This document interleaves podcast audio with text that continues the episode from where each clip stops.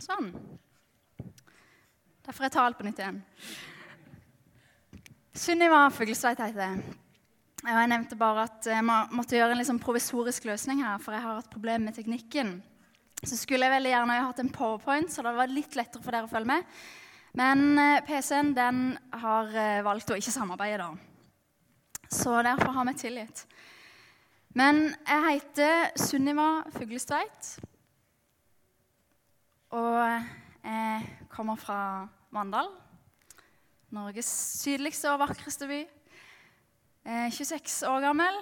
Har eh, brukt de siste årene her i Oslo.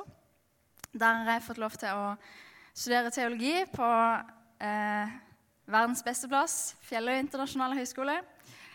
Og der jobber jeg jo nå, så det er veldig, veldig stas og en veldig fin arbeidsplass. Så går jeg her i Misjonssalen.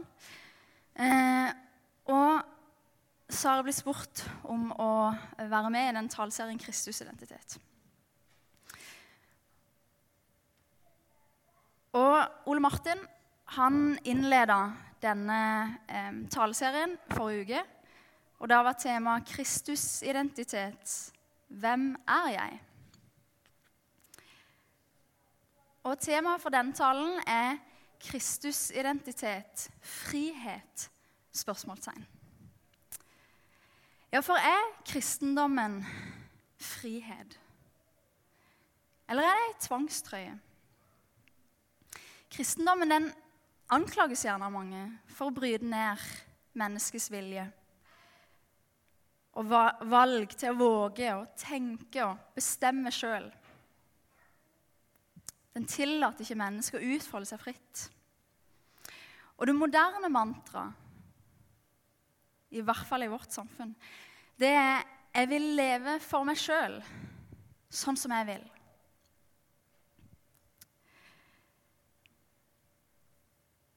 Jeg ber en bønn før eh, jeg går videre. Kjære Jesus, jeg takker deg for at uh, vi får samles til gudstjeneste. Jeg takker deg, Gud, for at vi får lov til å bruke tid sammen med hverandre og bruke tid sammen med deg, og få lov til å eh, lære deg mer å kjenne med å lytte til ditt ord. Be Gud om at eh, du må tale litt ord gjennom meg, og så ber vi om at teknikken holder gjennom talen. I ditt hellige navn. Amen. I Ole Martin sin tale så fikk vi høre om Eva og Adam, som levde i Edens hage, som levde i harmoni med Gud, men så vendte de seg vekk fra han. Syndefallet. Og før syndefallet så var ikke selvtillit og identitet et problem. Eva og Adam de var ikke lost og trengte derfor ikke å finne seg sjøl. De hadde en sunn selvfølelse fordi de var kjent av Gud. Og de satte han over alt og absolutt over seg sjøl. Og det gjorde de trygge. Trygge i sin identitet av å være Guds barn. Og de gjorde de òg trygge på hverandre. Fordi livet handla ikke om å overgå hverandre i prestasjoner, men om å ære Gud og tjene hverandre. Identiteten sin den var bundet til å være kjent, til å kjenne Gud og være kjent av Han. Men det endra seg når de og alle andre mennesker etter de løsrev seg fra Gud i forsøket på å være som Gud. Og nå ble identiteten på en måte forankra i en slags selvopphøyelse. Og det å søke han, det ble drevet fram av egoistiske ambisjoner. Det er nesten som om det muterte fra en lovprisning av Gud til en lovprisning av de sjøl. Og C.S. Lewis, en kristen forfatter som har skrevet mye bøker, og bl.a. skrevet eh, eh, Narnia-bøkene, han sier noe om dette. Han sier at når du blir klar over deg sjøl som deg sjøl, og Gud som Gud, så ligger alternativet der til å velge deg sjøl framfor Gud som sentrum av livet ditt.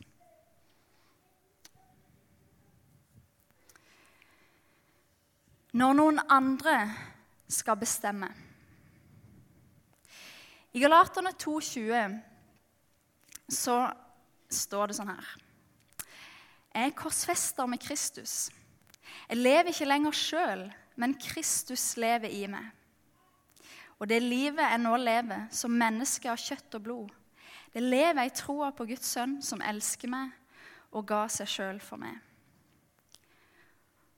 Og i Johannes 10, vers 3, så står det Portvokteren åpner for han, og sauene hører stemmen hans.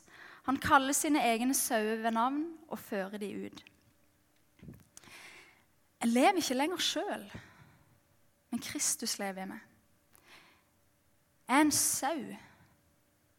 Jeg eies av noen.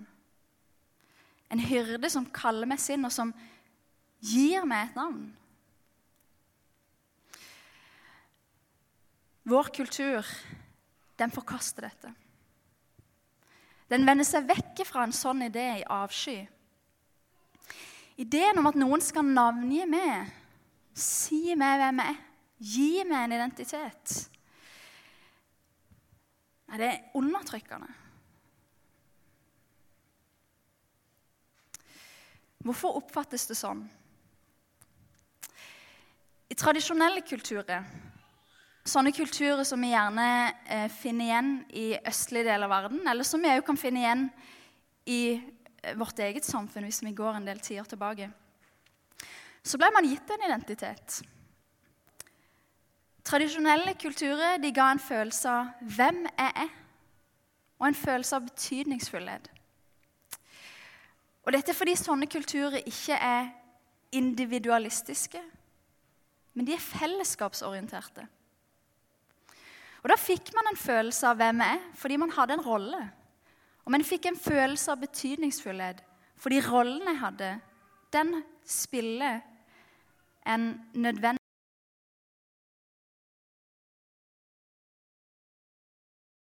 Den er ikke bare annerledes, men den er stikk motsatt. I dag så blir vi fortalt at du må søke inn i deg sjøl for å finne ut hvem du er. Ingen andre skal fortelle deg det. Ingen andre skal si noe om hvem du er. Du skal ikke bry deg om familien din eller hva samfunnet ditt sier. Du skal være den du er. Men er det noen som lever sånn?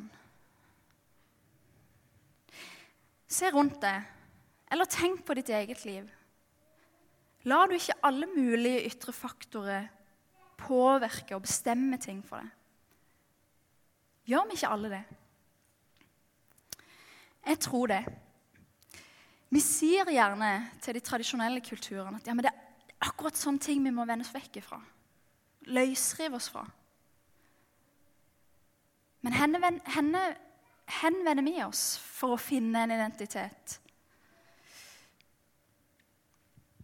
Kanskje er det bragdene mine, eller pengene mine, eller den flotte ektefellen min, eller jobben, eller karakterene mine, eller utseendet mitt. Og så har vi òg en hel masse idoler som vi ser opp til. Mennesker som representerer idealet og ting som vi liker. Mennesker som vi vil identifiseres med og sammenlignes med og ligne på. Så samfunnet på den ene sida forteller oss du må søke inn i deg sjøl for å finne ut av hvem du er. Men virkeligheten på den andre sida viser oss at vi allikevel ender opp med å vende oss utover for å få en bekreftelse. Men kanskje vi stiller de feil spørsmålene? For kan vi ikke snu litt på det og tenke hvorfor er det sånn? Hvorfor er det sånn at jeg vender meg ut til andre ting og mennesker for å få bekreftelse? Kan det hende at det er en grunn for at det er sånn? I Bibelen så møter vi tanken om at du blir hva du elsker.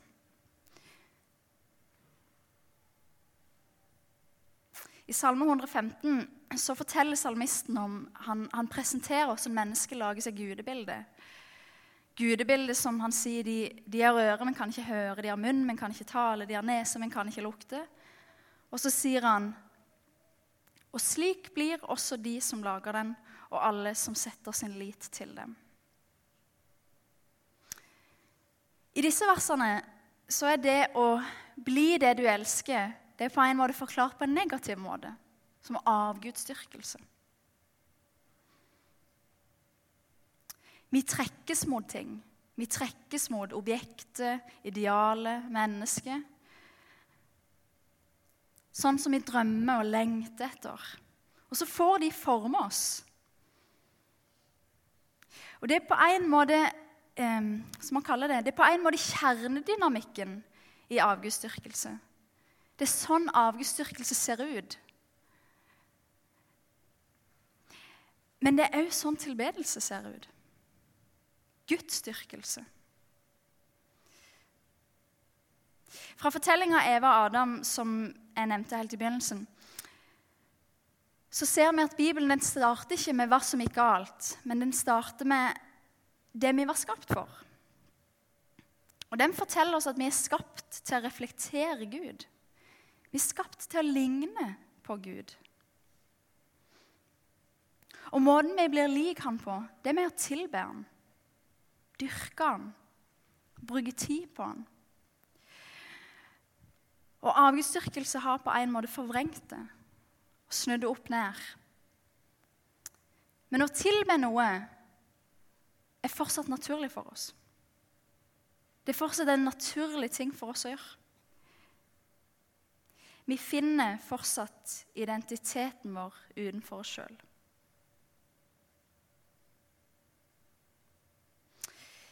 Vi tilber noe, og det er identitetsdannende.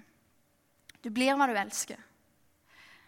Så spørsmålet om identitet og hvem vi er, jeg tror ikke det handler om at vi skal forkaste den tanken om at vi påvirker sånn noe utenfor oss sjøl. Vi må heller få tak i det og innse at det er en del av vår identitet, og spør ja, men hva skal få forme meg?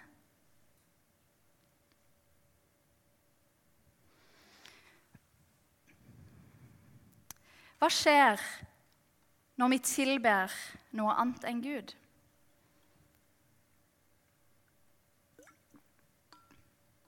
Hva skjer når det skjer det som jeg sa i stad, som jeg henta fra Louis? At vi velger oss sjøl som sentrum av livet, og ikke Gud. Jeg tror at vi blir stolte, og jeg tror at vi blir egoistiske. Og vi setter alle ressursene våre inn på å hevde oss sjøl og vise oss ærefulle. Det står litt om dette i Bibelen. F.eks. i Galaterne 5, så står det at det er klart hva slags gjerninger som kommer fra kjøttet. Så står det en liste bl.a. hor, umoral, utskeielse, fiendskap, strid, sjalusi, sinne, selvhevdelse. Jeg har sagt det før, og jeg sier det igjen. De som driver med slikt, skal ikke arve Guds rike. Og så vil du kanskje si ja, men jeg gjør ikke de tingene. Jeg gjør ikke sånne ting. Det kan hende. Men er målet attraktivt nok, så gjør du det. Men dette gjør oss ikke bare stolte og egoistiske. Det gjør oss sårbare. Vi blir gående rundt og se rundt oss. Vi blir gående rundt og sammenligne oss. Og se på alle de som er bedre enn oss, mer suksessfulle, mer populære, mer elskverdige. Tilber du skjønnhet, så er alt du ser, det som er skjønnere enn det. Tilber du penger, så er alt du ser, de som har mer enn det. Og tilber du makt, så er alt du ser, de som har mer makt enn det, eller de som prøver å ta fra deg den makta du har. Skape og skape, forme og forme, lage og lage. Fikse og pynte. men jeg blir aldri nok. Jeg kan alltid optimalisere meg mer i morgen. Avgudsdyrkelse det å plassere noe på tronen som ikke hører hjemme der. Det er, det å tilbe det skapte framfor skaperen, sånn som jeg leser i Romerbrevet. Og siden vi er skapt til å ligne Gud, men Han ikke får definere oss, så blir vi i stedet likt med det som vi tilber. Med det skapte som vi tilber. Og det er dette Bibelen kaller for synd. Og den kaller det for et slaveri.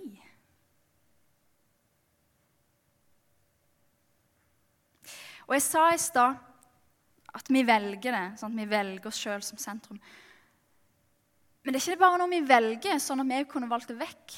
Nei, vi er, vi er født sånn.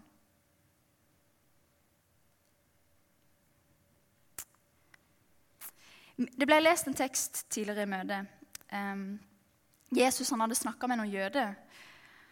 Og han hadde snakket med dem om frihet og sagt at uh,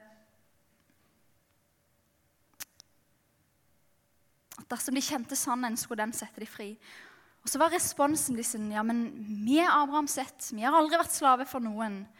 Hvordan kan du si at vi skal bli fri? Hvordan kan du si det, Jesus? Hva er det vi trenger å bli fri fra? Vi er ikke slave. Men Bibelen forteller oss at vi er det. Og den forteller oss at det infiltrerer alle deler av livet vårt. Og Bibelen den har et ord for den identiteten. Og det Vi kaller gjerne den gamle naturen. Jeg kan nevne noen vers som sier noe om dette. Blant annet I Romane 5,12 står det at synden den kom inn i verden med ett menneske. Og slik den ene menneskes ulydighet gjorde de mange til syndere. Den som er født av kjøtt, er kjøtt. Dette er noen ord som sier oss noe om hvor denne naturen kommer fra. Adams synd ble i alle synd. Og Versene de forteller oss at det syndige vesenet det får vi i eie når vi blir født. Og Beviset for at dette har gått i arv, det er døden. For det fører bare til død. I synda så vender vi oss vekk ifra Gud, som er livets kilde, til døde ting. Og siden de tingene aldri gir oss det vi trenger, så blir vi faktisk mindre lik oss sjøl. Vi blir mindre mennesker. For å bruke et litt sånn banalt bilde en fisk er fri når den gjør det den er skapt til å gjøre. Når den er i vann, når den svømmer rundt, når den spiser alger og småfisk, og når den gyter når den skal det. Og et menneske er fritt når det gjør det det er skapt til å gjøre. Og er det det er skapt til å være.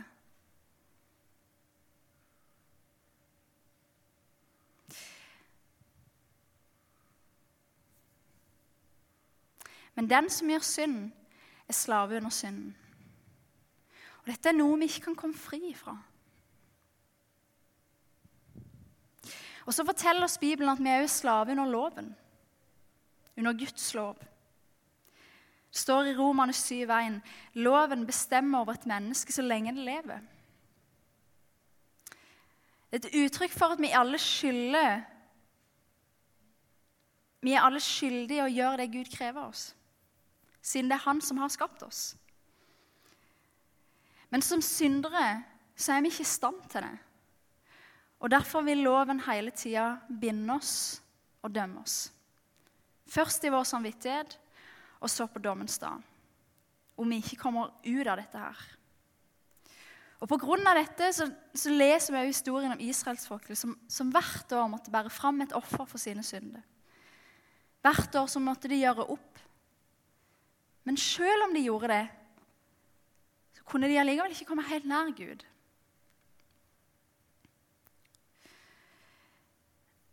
Men Bibelen den slutter ikke sin fortelling her. For Bibelen forteller oss at Gud ønsker å gi oss en ny identitet. Et nytt liv, en ny natur. Og dette er òg noe vi får ved en fødsel. I Johannes 1, 12-13 står det Men alle som tok imot ham, dem ga han rett til å bli Guds barn. De er ikke født av kjøtt og blod, ikke av menneskers vilje og ikke av manns vilje, men av Gud.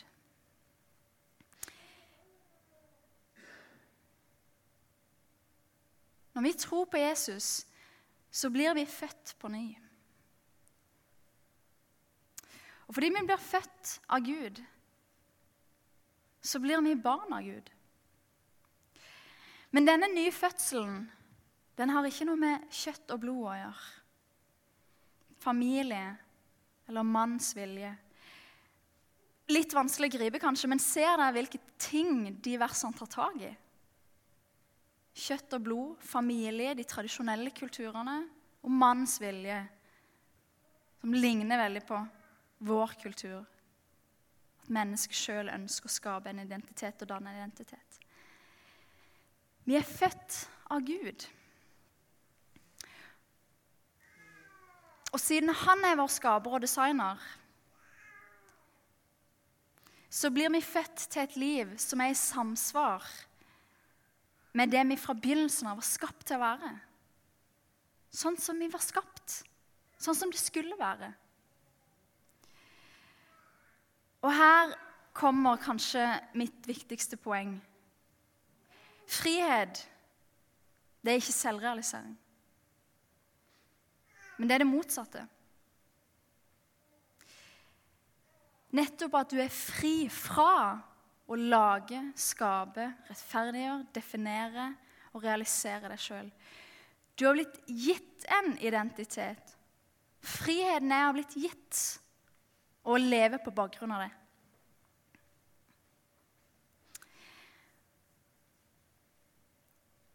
I Romane 6, 6 så står det vi vet at vårt gamle menneske ble korsfesta med han, for at den kroppen som er underlagt synden, skulle tilintetgjøres, og vi ikke lenger skulle være slave under synden.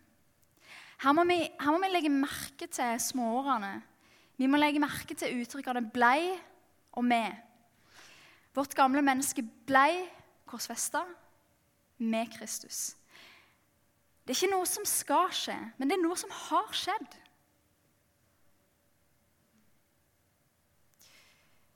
Som ett menneskes fall ble til fordømmelse for alle, slik fører ett menneskes rettferdige gjerninger til frifinnelse for alle. Det står det i Romane 5, 18.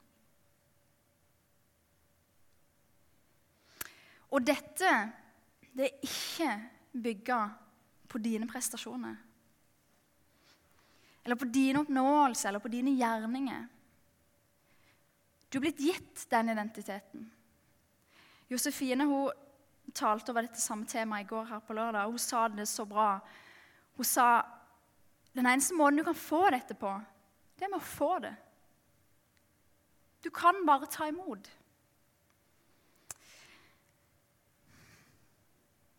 Bibelen forteller oss at i troa på Jesus så går vi fra å være tiltalt til å bli frikjent.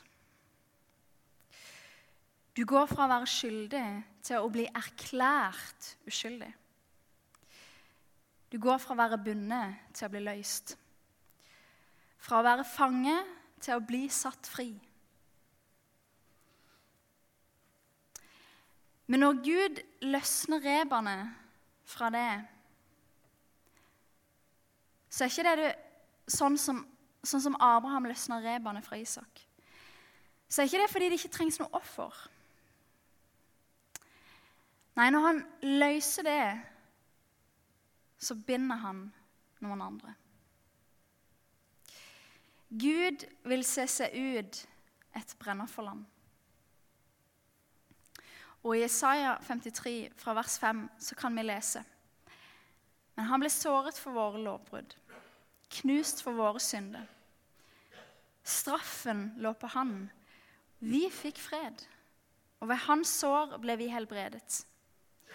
Vi gikk oss alle vill som sauer.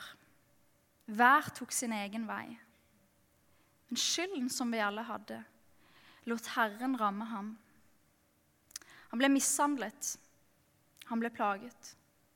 Han åpnet ikke munnen, lik et lam som føres bort for å slaktes, lik en sau som tier når den klippes. Og han åpnet ikke munnen.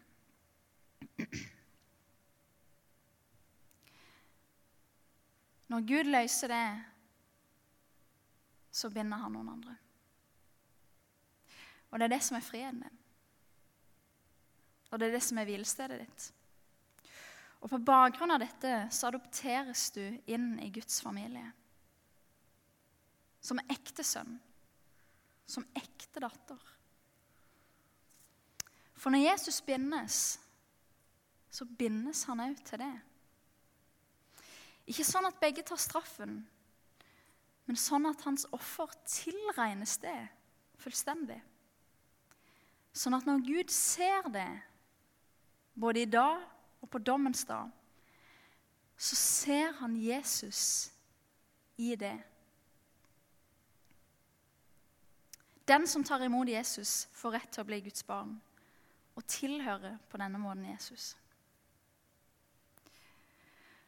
Og fordi vi tilhører Jesus, så har vi fått et helt sett med nye identitetsmarkører.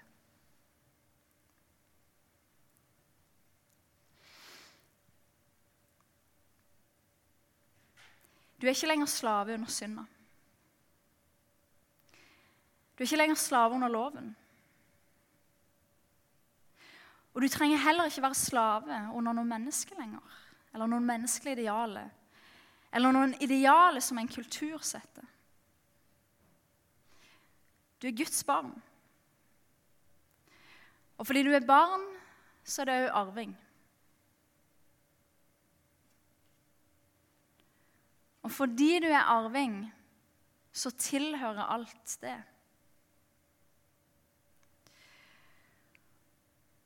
Og det siste er at fordi du tilhører Jesus, så har det òg blitt gitt liv her og nå og det evige.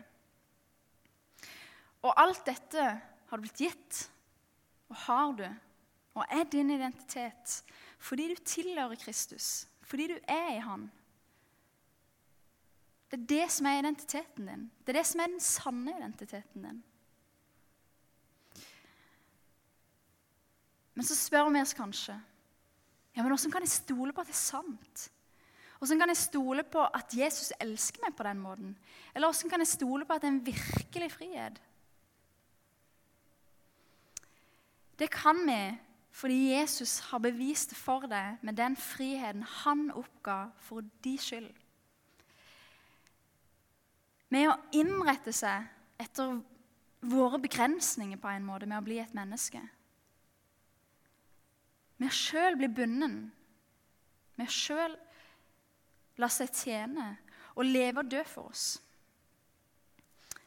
Det står noe om i Filipperne, Filipperne 2, 6-8. Han var i Guds skikkelse og så det ikke som et rov å være Gud lik, men ga avkall på sitt eget, tok på seg tjenerskikkelse og ble menneskelik. Da han sto frem som menneske, fornedret han seg selv og ble lydig til døden, ja, døden på korset. Det beviset. Jesus var i Guds skikkelse. Men med å bli menneske så gjorde han seg til ingenting i menneskets øyne. Han ble født i en stall. Han ble født inn i en fattigslig familie som hadde fått et dårlig rykte på seg. Han kom fra Nasaret, som òg hadde et dårlig rykte på seg. Han holdt seg med syndere og toller, og han var ingen ære og høy rang. Han ble hånt og spytta på. Og han ble anklagd for å være en gudsbespotter, enda det var han som var Gud. Og Til sist så ble han drept på den verst tenkelige og mest uverdige måten.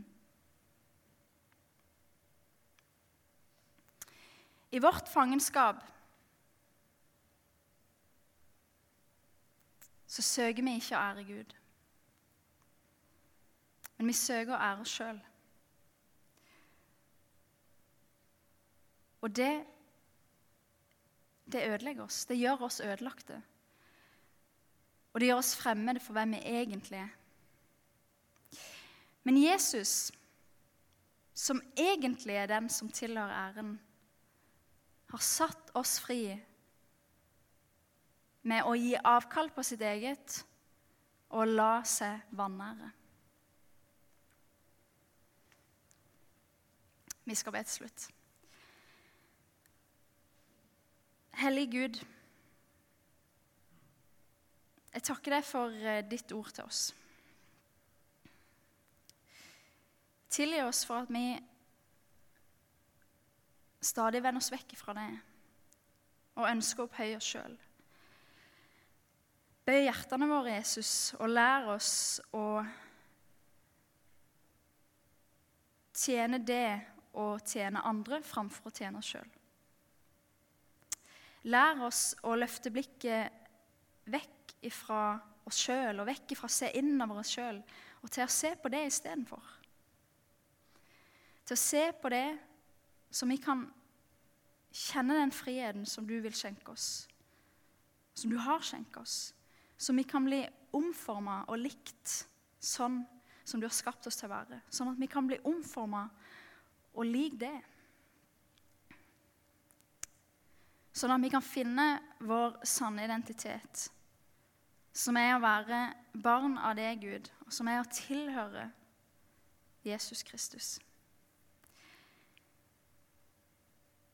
Jeg takker deg for at den friheten du vil gi oss, Jesus, det er den virkelige og sanne friheten. Det er den eneste friheten som kan gjøre oss virkelig fri. Fra alt som binder oss i verden, og fra alt som vil binde oss i evigheten. Jeg takker deg for at på dommens dag så skal vi i troa på det få lov til å stå for Guds trone frimodige og ta imot den evige friheten som du har gjort klar for oss. I ditt hellige navn. Amen.